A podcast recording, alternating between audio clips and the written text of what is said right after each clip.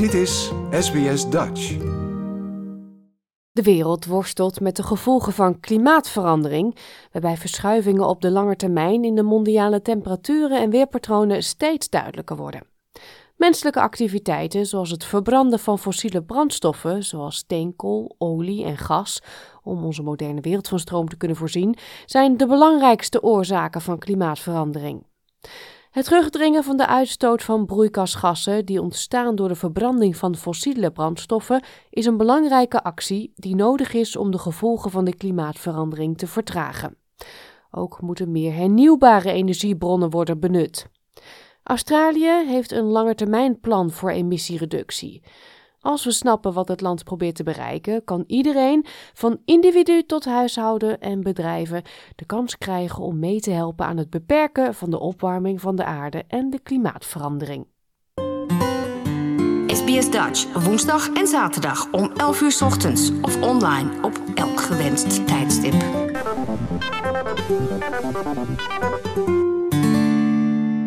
Bij de verbranding van fossiele brandstoffen komen grote hoeveelheden koolstofdioxide en andere broeikasgassen in de atmosfeer terecht. Dit resulteert in een opwarming van de temperatuur wereldwijd, omdat de opeenhoping van broeikasgassen in de atmosfeer van de aarde meer warmte van de zon vasthoudt. Klimaatverandering betekent meer dan alleen maar de opwarming van de aarde. De aarde is een complex systeem en de gevolgen van klimaatverandering zijn ook te zien aan de steeds erger wordende droogtes, branden, overstromingen en stormen. De opwarming van de zee, de stijgende zeespiegel, het smelten van het ijs op de poolkappen en de gevolgen voor de biodiversiteit maken allemaal deel uit van de klimaatverandering, waardoor ons voortbestaan mogelijk wordt bedreigd. Het terugdringen van de impact van klimaatverandering impliceert het terugdringen van de hoeveelheid broeikasgasemissies en het overschakelen van het gebruik van fossiele brandstoffen naar hernieuwbare energiebronnen zoals wind, zonne- en golfenergie. Australië heeft een langetermijnplan voor de reductie van de uitstoot van broeikasgassen geïmplementeerd om de opwarming van de aarde te beperken. Dr. Simon Bradshaw, die als onderzoeksdirecteur bij de Klimaatraad onderzoek doet naar klimaatverandering, legt uit met welke uitdagingen we te maken hebben. Australia, like most countries, has committed to achieving net zero emissions by 2050. Now, that's a lot of change. That means repowering the way we are powering our homes and our industries, so changing the way we produce electricity getting much more energy from the sun and the wind into our electricity system and very quickly moving beyond fossil fuels entirely. En hoewel 2050 nog ver weg lijkt, zegt Dr. Bradshaw dat de tijd begint te dringen om actie te ondernemen om de uitstoot te verminderen.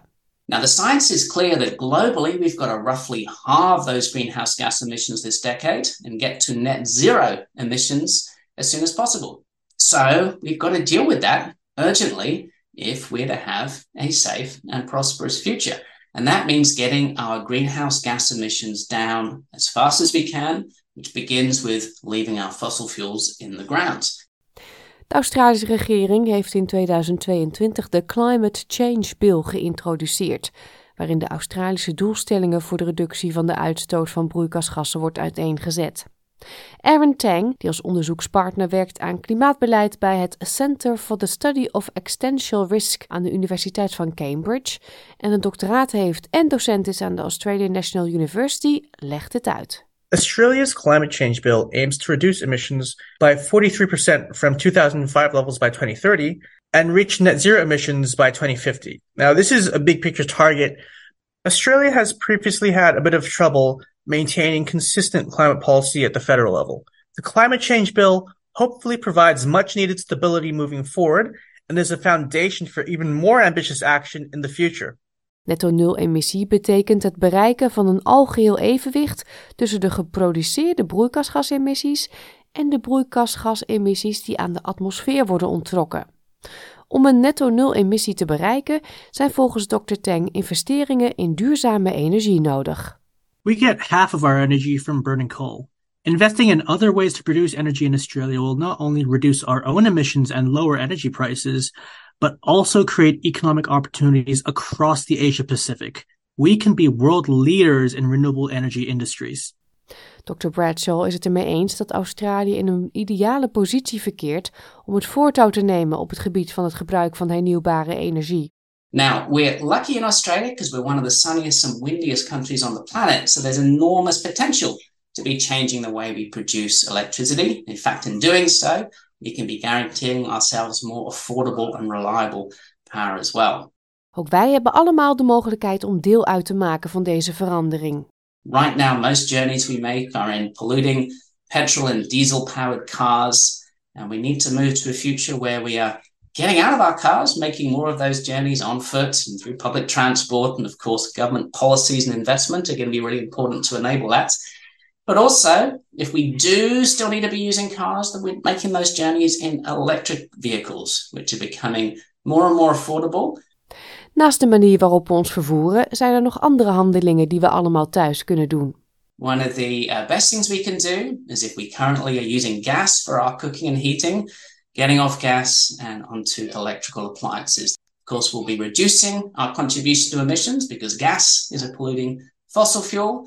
And we can also be making our homes healthier as well because there's increasing evidence that burning gas in our homes carries very significant health risks.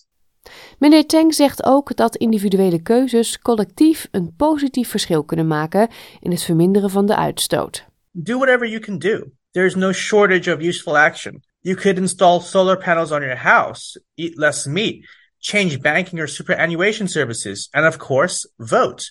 Start with something that works for you and build from there. Het andere aspect van netto nul emissies is kijken naar hoe de uitstoot van broeikasgassen uit de atmosfeer kan worden gehaald. Something that isn't yet widely discussed is the need to remove greenhouse gases from out of the atmosphere, not just stop their emissions. We've simply put too much in the atmosphere to only stop emitting. Without sufficient capabilities to remove, reaching net zero emissions is much more difficult. Het behoud en de bescherming van de biodiversiteit in de wereld is ook belangrijk, zegt Dr. Bradshaw, omdat het deel uitmaakt van het levensondersteunende systeem van de planeet.